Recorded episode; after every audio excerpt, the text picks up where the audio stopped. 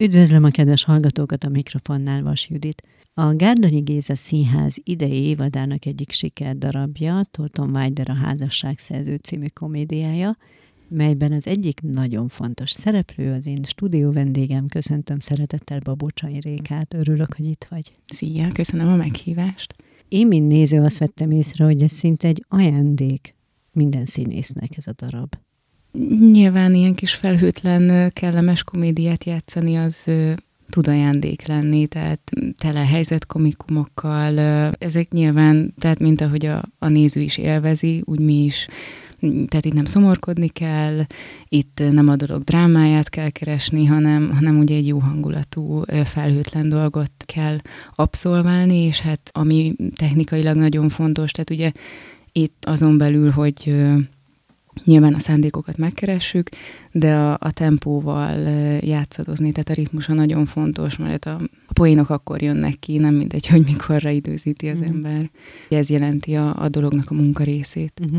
Meg én arra gondoltam, hogy annyira jók a karakterek, tehát hogy a szinte sziporkáztok ezekben a szerepekben. Én legalábbis így éreztem magam odalent. Hát örülök, hogyha, hogyha így látszik lentről, hogy élünk ezekkel a dolgokkal. Azt kell, hogy mondjam így visszagondolva a próba folyamatra, hogy izgalmas az, hogy hogy, hogy kollégák amúgy mit, milyen szint adnak egy-egy karakternek, mert nem mindegyik karakter van annyira kibontva írásban, ami egyébként így van rendjén, vagy ezzel nincsen semmi baj, mert, mert itt, itt jön hozzá akkor a rendező és a színész, és akkor lehet még ezzel dolgozni, lehet, lehet fantáziálgatni, és, és hogyha van egy jó alapanyag, akkor nagyon sok mindent bele lehet vinni. És ez érdekes is volt látni, meg jó volt látni, ahogy, ahogy bizonyos, akár kisebb karakterek is olyan jó kis színfoltot kaptak, mert, mert élt bennük a színész.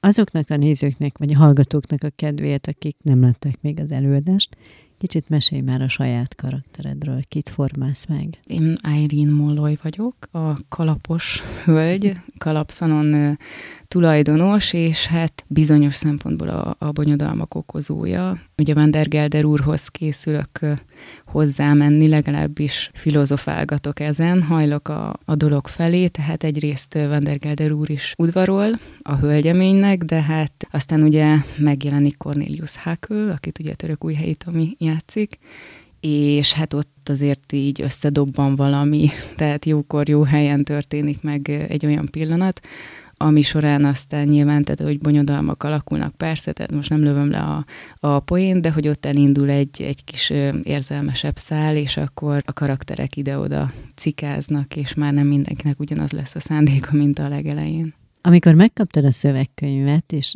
gondolom már akkor, de javíts ki, nem így van, de akkor kialakul benned valamilyen személy, akit majd meg kell formálni a színpadon, de ez aztán nagyon sok minden miatt módosul, nyilván elsősorban a rendező akarata, szándéka miatt, a saját alakításod, tehetséget, stb. miatt.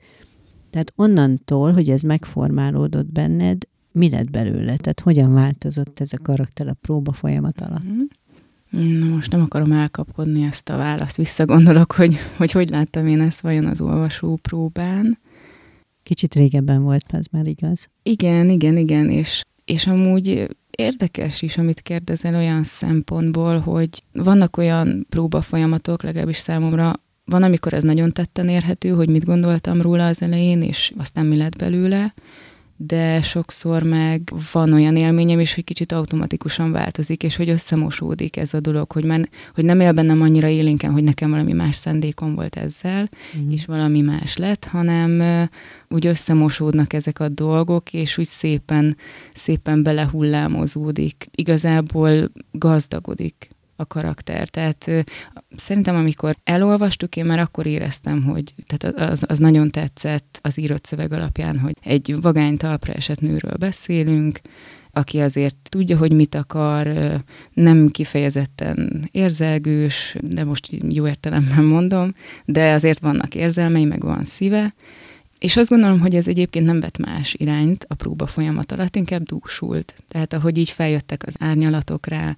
vagy ahogy ugye gorcső alá vettük, hogy egy-egy szituáció pontosan mit hoz ki belőle, vagy mi, mire hogyan reagál, és akkor ugye jönnek fel a színek, és, és így lesz egyre, egyre gazdagabb remélhetőleg a végére. De azt hiszem, hogy olyan nagyon szöges ellentéte nem, nem lett. Mm. Csak mentünk, mentünk a kijelölt úton, azt hiszem. Inkább az volt benne az érdekes, hogy, hogy mi szolgálja a legjobban a, a darabot, mert sokszor van, hogy lehet egy helyzetet így is játszani, lehet úgy is játszani, és el kell dönteni, hogy vajon a színpad szempontjából mi a legizgalmasabb, hogyha, hogyha mondjuk azt játszom, hogy én azt tudom, egy bizonyos titkot, vagy azt játszom, hogy én azt nem tudom.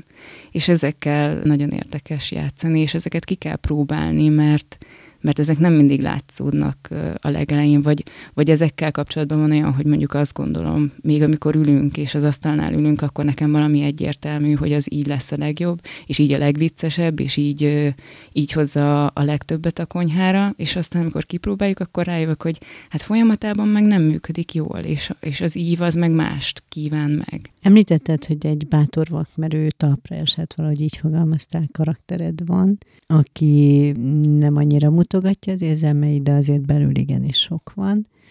Mennyire találsz ilyenkor magadra? Vagy mi az, ami, amiben azonosságot keresel-e egyáltalán? Tudatosan nem annyira szoktam, hanem inkább azt érzem, hogy, hogy eleve belülről igyekszem megfogalmazni ezeket a dolgokat olyan szempontból, hogy igazából automatikusan mindenki magából indul ki. Tehát, hogyha vég, azt veszük, hogy vagyok egy helyzetben, ugye a színpadon van mondjuk egy adott szituáció, ahol megnézem a szándékaimat, ugye amik egyértelműek az írott dologból, akkor azt ugye elsősorban magamon futtatom végig, hogy az, az akkor hogy is néz ki, hogy reagálok. Ugye mondhatnánk, hogy hogy reagál egy ember egy ilyen helyzetbe, de nyilván az én leszek az az ember, hiszen én abból tudok kiindulni. És akkor azt finomítom aztán ahhoz, hogy hát jó, lehet, hogy mondjuk én e per egyben ezt meg ezt csinálnám, de mondjuk lehet, hogy, hogy egy kicsit akkor lehet rajta finomítani. Én ritkán találkoztam még azzal, hogy, hogy nekem nagyon ezeken változtatni kellett volna, mert annyira szöges ellentétét még nem kellett játszanom, és nem is, nem is tudom, hogy egyébként ez így létezne-e. Tehát, hogy lehet, hogy ennek is ugyanez lenne a módszere, hogy végigfutatom magamon, és aztán, aztán kidomborítom az énemnek azt, a, azt az oldalát, ami itt a legjobban kell, vagy ami itt a legjobban kell, hogy domináljon. Meg lehet azért nem érzed még az idegenszerűséget, meg lehet nem is fogod, mert valójában minden személyiség egy valahol bennünk is megvan, csak valamelyik erősebben, valamelyik teljesen mondjuk háttérben van szorítva.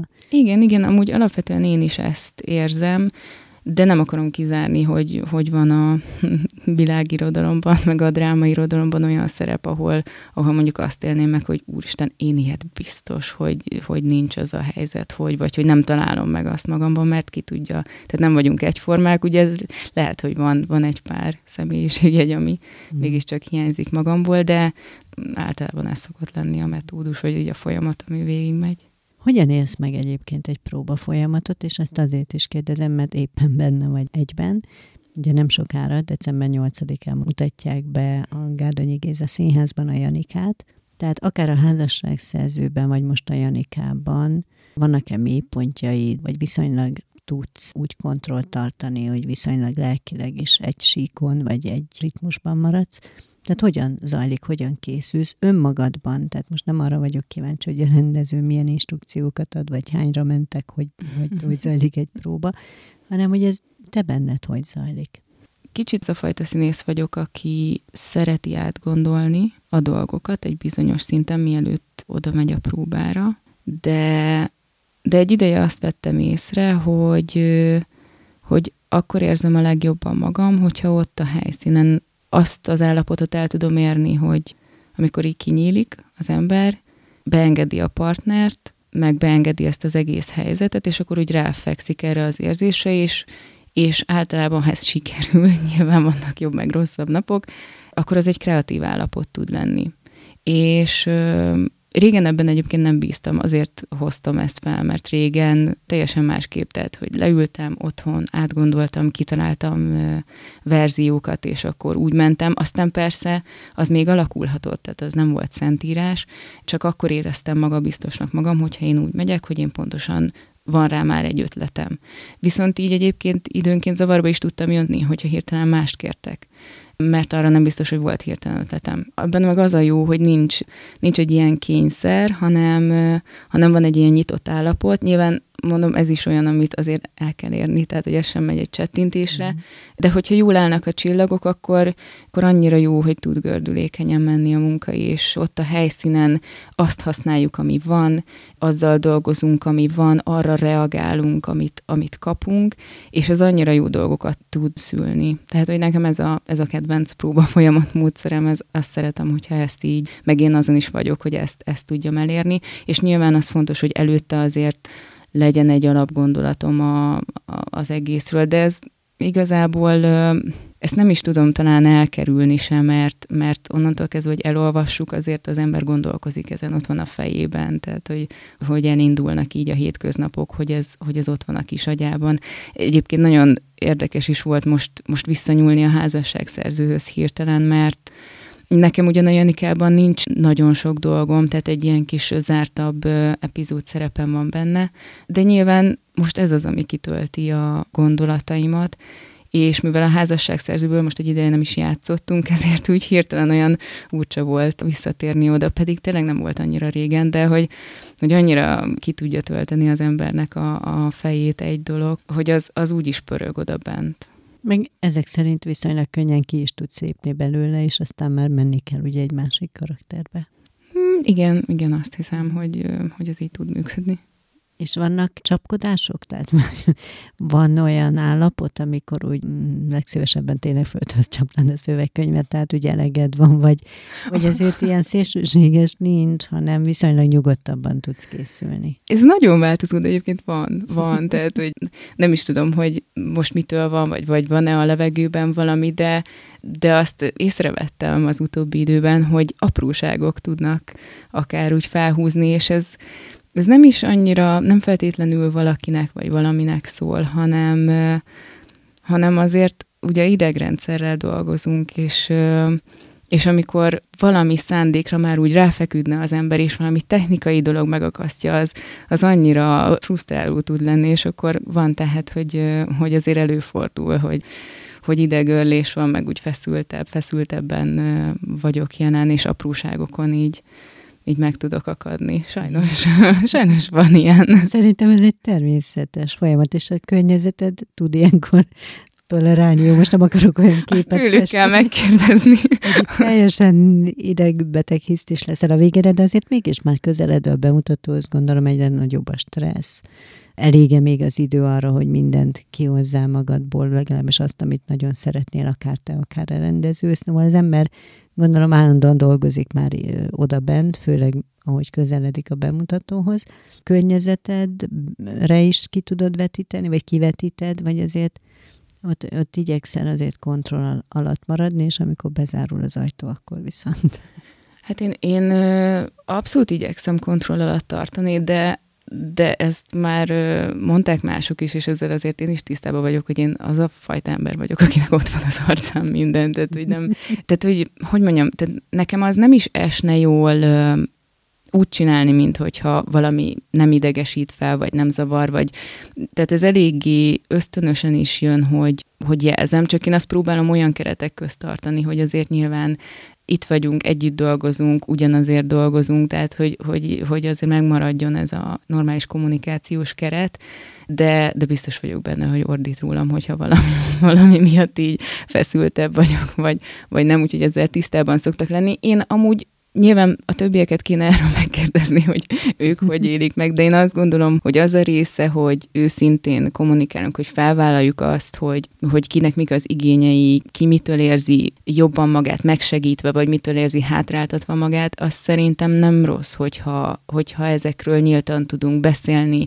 jelezni, vesszük a másiknak a, a rezgéseit. Tehát szerintem én azt gondolom, hogy ezzel nincs baj és visszafele sem. Tehát, hogy, hogy, hogy nagyon érzékeny érzékeny terület azért ez a, ez a fajta, tehát ugye a színházi csapatmunka, idegrendszerrel dolgozunk, érzelmekkel dolgozunk, tényleg ki kell tárnunk a, a lelkünk. Nem, szerintem nem lenne jótékony, hogyha tehát az már tényleg nagyon színház a színházban lenne, hogyha még el is rejtegetnénk egymás elől a, a civil megéléseinket, de természetesen konstruktívan. Tehát az, azt szerintem fontos szem Mhm. előtt tartani, hogy ez mindig konstruktív legyen, és ne, ne egymás munkájának az akadályozása, meg ne akadékoskodás.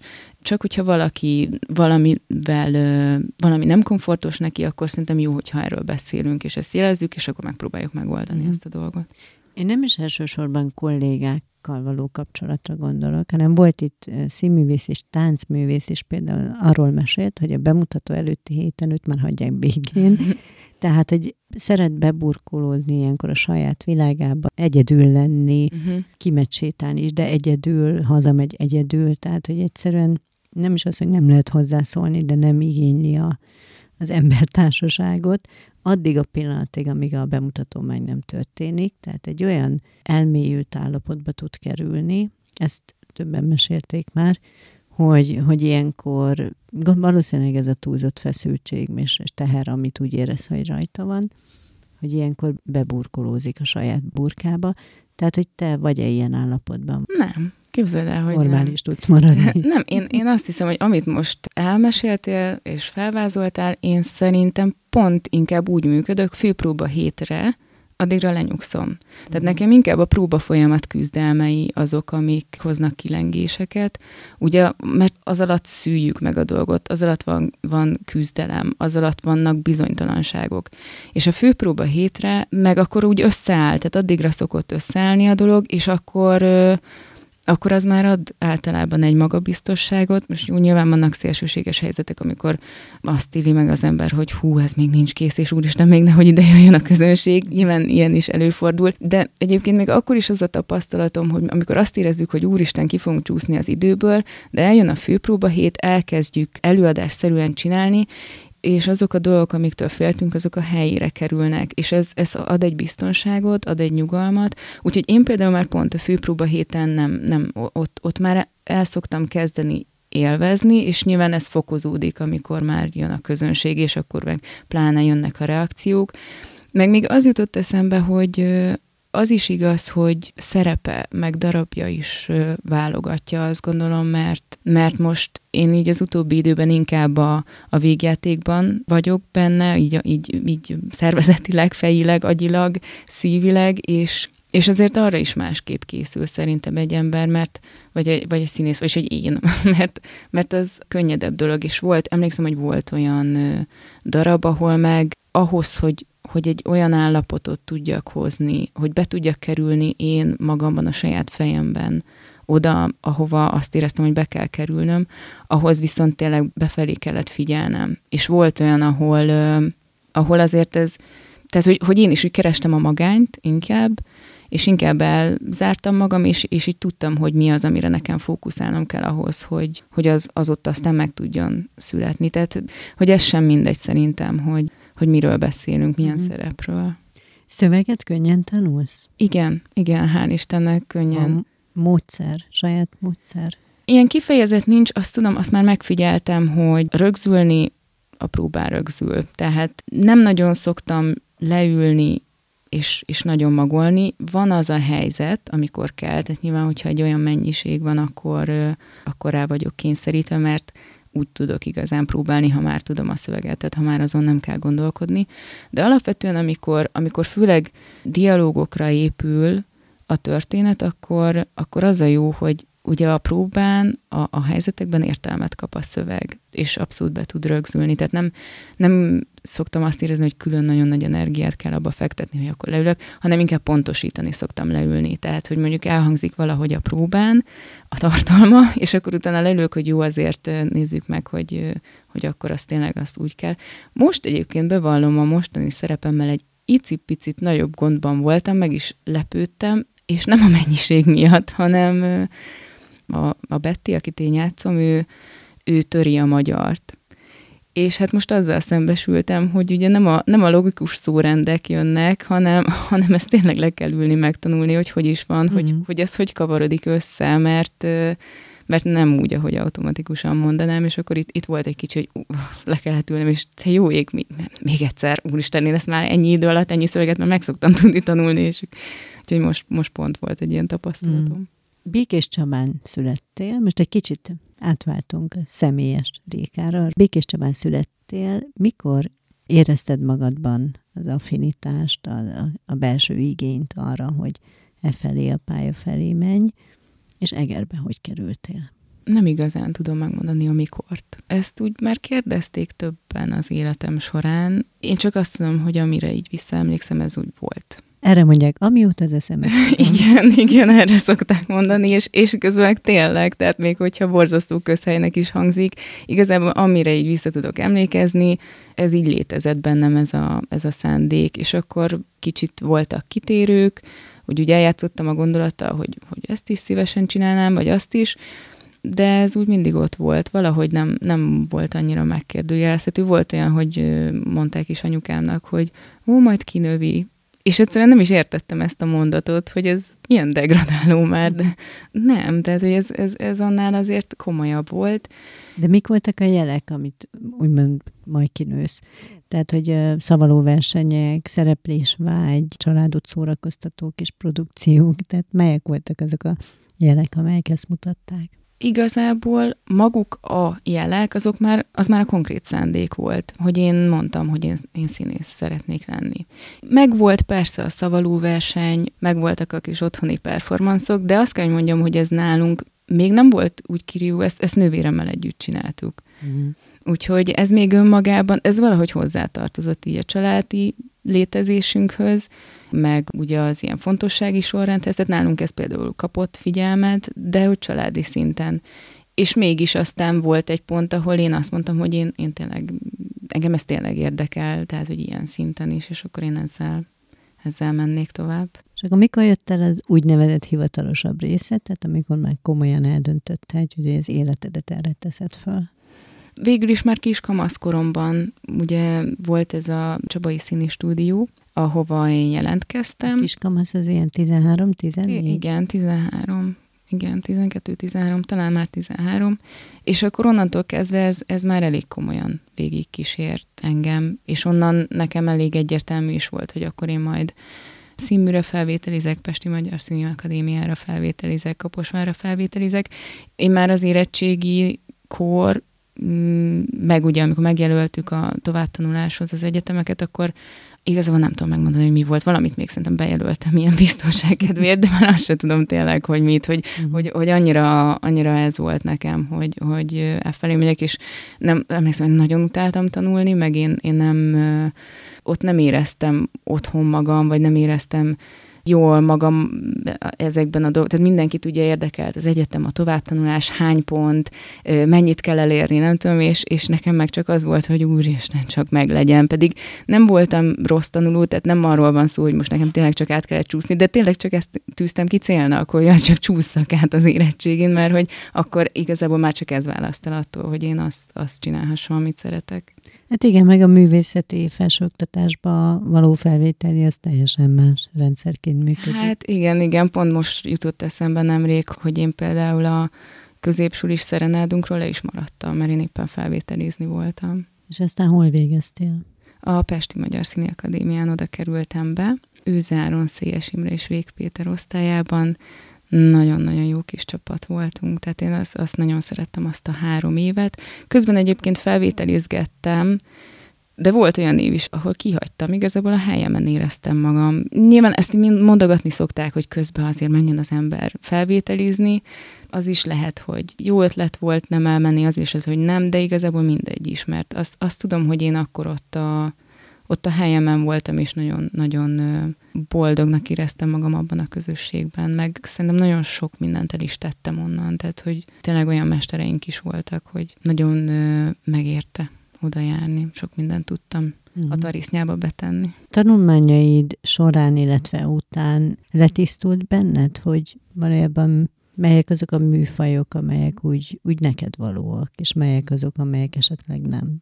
Igen, volt egy leosztás a tanulmányaim után közvetlenül, és azt gondolom, hogy hogy hála Istennek azért az, az módosult is. Tehát, hogy nekem például végig az akadémia alatt, és aztán még közvetlenül utána is ez, ez olyan nem is kimondatlan, igazából ez kimondott dolog volt, hogy én tragika vagyok.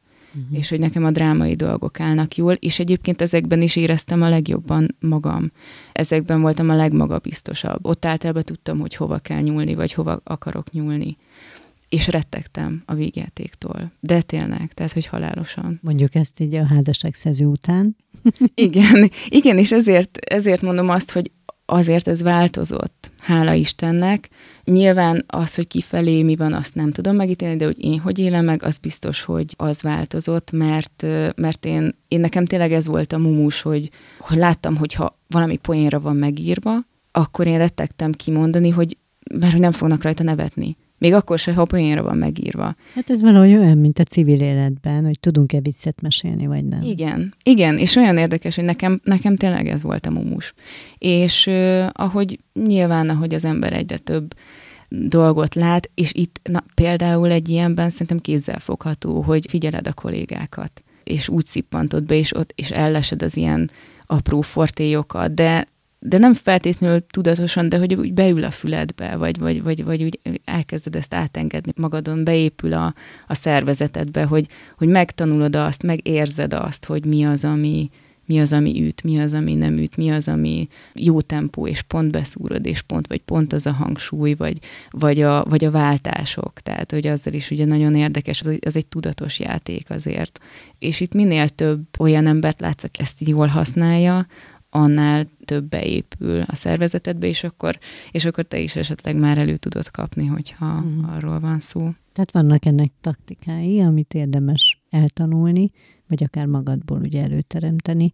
Aztán a budapesti tanulmányok után, meg a Békés Csabai gyerekkor után, hogy jött Eger? Hát Eger úgy jött, hogy jelentkeztem. Igazából nekem akkor sok ismerősöm volt itt, akik ugye szintén az akadémián végeztek, meg ugye a Nagy Barbi, ő hát gyerekkori barátom, tehát ugye ő is Békés Csabai, tehát vele ugye folyamatosan kapcsolatban voltunk, és jóban voltunk, tehát volt egyfajta ismeretem Egerről, ugye ismertem itt embereket, és akkor igazából én elküldtem az önéletrajzomat, és így kerültem ide, tehát egy elég egyszerű történet ez, de volt, tehát szabadult fel hely, és akkor, és akkor lett itt nekem hely, és tártkarokkal vártak, hál' Istennek. Most, hogy mondod, hogy gyerekkori barát, így közösen, nem tudom, ez milyen gyakori együttlét volt ez a barátság, de így közösen álmodoztatok, vagy vágyakoztatok ezután a pálya után? Ó, igen, persze. Ez egyébként kamaszkori barátság igazából, ugye, tehát a színi stúdióban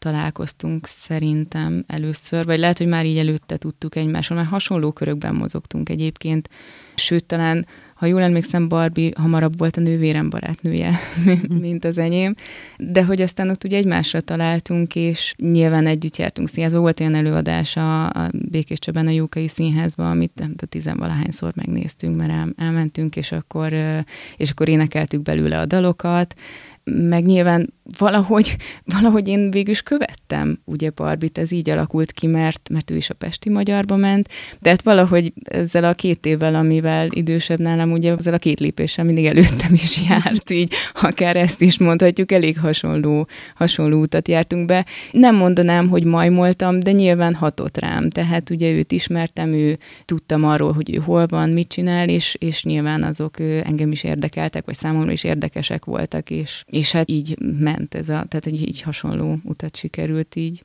együtt kitaposnunk. Mm, és visszautam a házasságszerzőre, ugye, ahol együtt játszotok. Igen. Teljesen más karaktereket.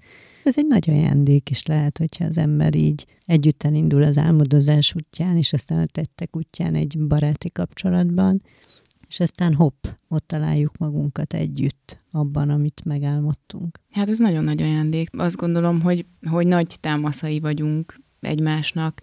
Szoktatok itt szakmailag segíteni is egymásnak? Igen, igen, tehát pont e, erre akartam kiukadni, hogy emberileg is, meg, meg szakmailag is egyébként hasonló, hasonló az ízlésünk, hasonlót gondolunk a színházról, úgyhogy azon kívül, hogy nagyon jókat szoktunk ezekről beszélgetni, azon kívül abszolút ugye adunk is egymás véleményére. Sőt, ki szoktuk kérni egymás véleményét, meg volt olyan, hogy tényleg kifejezetten kértük, hogy ó, most kicsit ott nem tudom, hogy hol vagyok, nem tudom, hogy elakadtam-e, vagy nem, hogy igazából nem tudom, hogy kifelé mi látszik ebből, és akkor kérlek, ülj már be, és nézd meg, és, és mondd el, hogy te mit látsz, vagy mit gondolsz. Tehát ez nagyon fontos dolog, és nagyon jó, hogy van, és ez egy nagyon erős bizalmi történet, mert biztos, hogy embere válogatja, de azért azt gondolom, hogy ez egy nehéz téma. Tehát mindig kritikát adni, fogadni, én azt érzem, hogy az akkor jó, amikor erre tényleg megvan az a, az a bizalmi közeg, ami ezt elbírja. Mert biztos van olyan, aki jobban kezeli, kevésbé, de azért akkor esik a legjobban, hogyha, hogyha olyan emberrel tudja ezt az ember megbeszélni, akiben tényleg maximálisan bízik, és tudja, hogy az, az minden esetben konstruktív, és az ő érdekét szolgálja, és nincs benne semmiféle ego történet. Mhm. Hát meg ettől válik hitelesebbé is, amit mond. Melyik volt az első előadás a Degerben? A leges-legelső az a József és a színes széles vásznú mhm. álomkabát volt, viszont én ebben, de ebben nem volt szerepem, hanem ugye volt benne egy nagy tánckar, és színészeket is tettek be a, a tánckarba is, tehát ugye kellett egyfajta tömeg, egy kórus, aki ugye jelen van.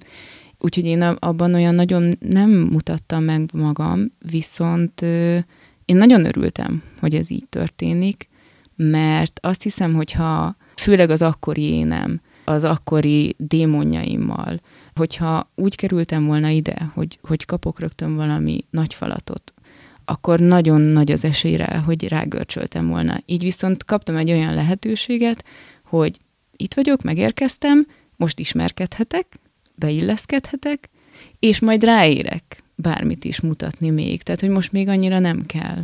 Uh-huh. És ez nekem amúgy jól esett, vagy szerintem ez egy ilyen nagyon jó tempó volt, mert utána meg fokozatosan jöttek a, a dolgok, ugye utána lett egy kis szerep, utána egy nagyobb szerep, és akkor utána a második évben meg már akkor volt egy Ofélia, de akkor már arra kész tudtam lenni olyan szempontból, hogy, hogy én itt addigra már biztonságban éreztem magam, egy olyan közegben éreztem magam, ahol szeretem a kollégáimat, ahol azt érzem, hogy a kollégáimnak egy, egy jó fajta kíváncsisággal fordulnak felém, és nem, nem, nem a kényszert éreztem ebben, és nem akartam mármint hogy rossz szinten, mert nyilván az ember mindig azért van benne egy kis megfelelés, meg mindig mutatni akar valamit, de, de ez nem volt egy, egy kártékony szinten addigra már. Ezek a bizonyos démonok azt ö, vizsgálgatták benned, vagy, vagy erősítették benned, hogy kétkedsz magadban? Tehát magát a kétkedést? Hát igen, igen, igen. Tehát azért nem volt egyszerű kikerülni a pályára. Szerintem ez sokakkal megtörténik,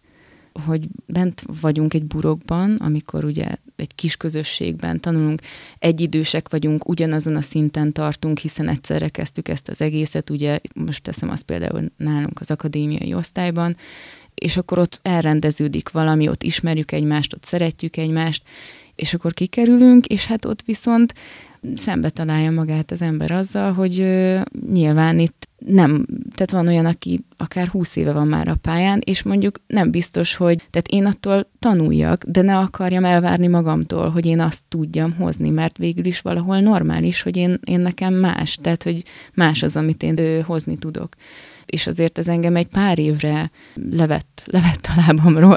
Nem volt annyira kellemes, tehát ott, ott azért küzdöttem az elején démonokkal, és ez egy hosszú és egy nagyon tudatos út volt az, hogy, hogy ezt levetkőzzem, mert emlékszem, hogy, hogy egyszer megfogalmazódott bennem, hogy de tényleg annyira tudtam görcsölni, meg annyira azt éltem meg, hogy felmentem a színpadra, és úristen szégyellem magam. Hm. És ez, ez valami iszonyatos érzés volt így, és mind, tehát mindegy volt, hogy mit csinálok, ez, ezt mindig ezt éltem meg, és iszonyatosan vágytam a, a külső megerősítésre, mindent attól tettem függővé. És ahogy volt az idő, úgy azt éreztem, hogy na jó, ha én ezt így fogom csinálni, akkor ennek nincs értelme nem lesz élvezhető, ez, ez így a pokol lesz. És akkor eldöntöttem, hogy ezt nem így akarom csinálni, és akkor elindultam azon az úton, hogy egy kicsit így, akkor egyébként így helyzetet is változtattam, akkor mentem vissza Békés Csabáról Pestre, mert nekem volt még az akadémia után két évem Békés Csabán visszakerültem oda a Békés Csabai Színházhoz, és akkor kellett egy ilyen, egy ilyen helyzetváltozás is, éreztem, hogy ez fontos. Akkor fontos volt újra kortársak közé menni, hogy, hogy, hogy megérezzem, megérezzem abban a közegben az erőmet, és akkor egy ilyen nagyon lassú és fokozatos munka volt, és hál' Istennek azt gondolom, hogy nagyon nagy szerepe van az EGRI társulatnak is abban, hogy ez így alakult bennem, ahogy alakult, mert ehhez tényleg kellett az, hogy ők tök komolyan mondom, hogy annyira, annyira befogadó közeget éreztem meg, amikor ide bekerültem, és, és tényleg csak ismétlem magam, de ez a, az a nagyon jó fajta kíváncsiság, amivel fogadtak, az, az erőt adott, mert bele tudtam ebbe úgy, úgy, úgy nyugodni, és, és én a mai napig egyébként nagyon jól érzem magam köztük. Uh-huh. Hát meg gondolom már megszületett egy bizonyos magabiztosság is. Igen, egy bizonyos nyilván. Tehát hogy gondolom, hogy ez egy örök út, alkati kérdés is, mhm. meg nyilván mikor mi történik az emberrel, hogy áll az életében, milyen állomáson van éppen, de igen, azért, azért most már azt gondolom, hogy oda nem tudnék visszakerülni, ahol akkor voltam. Hát szerintem a házasságszerzőben erről meggyőzted a nézőket, és nagyon sikeres próba folyamatot, illetve majd előadást kívánok a Janikához, és úgyhogy köszönöm szépen, hogy eljöttél. Köszönöm szépen, hogy itt lehettem. Kedves hallgatóink, Önöknek pedig a figyelmet köszönjük Babócsai Rékával, Önök Vasiditot hallották, viszont hallásra.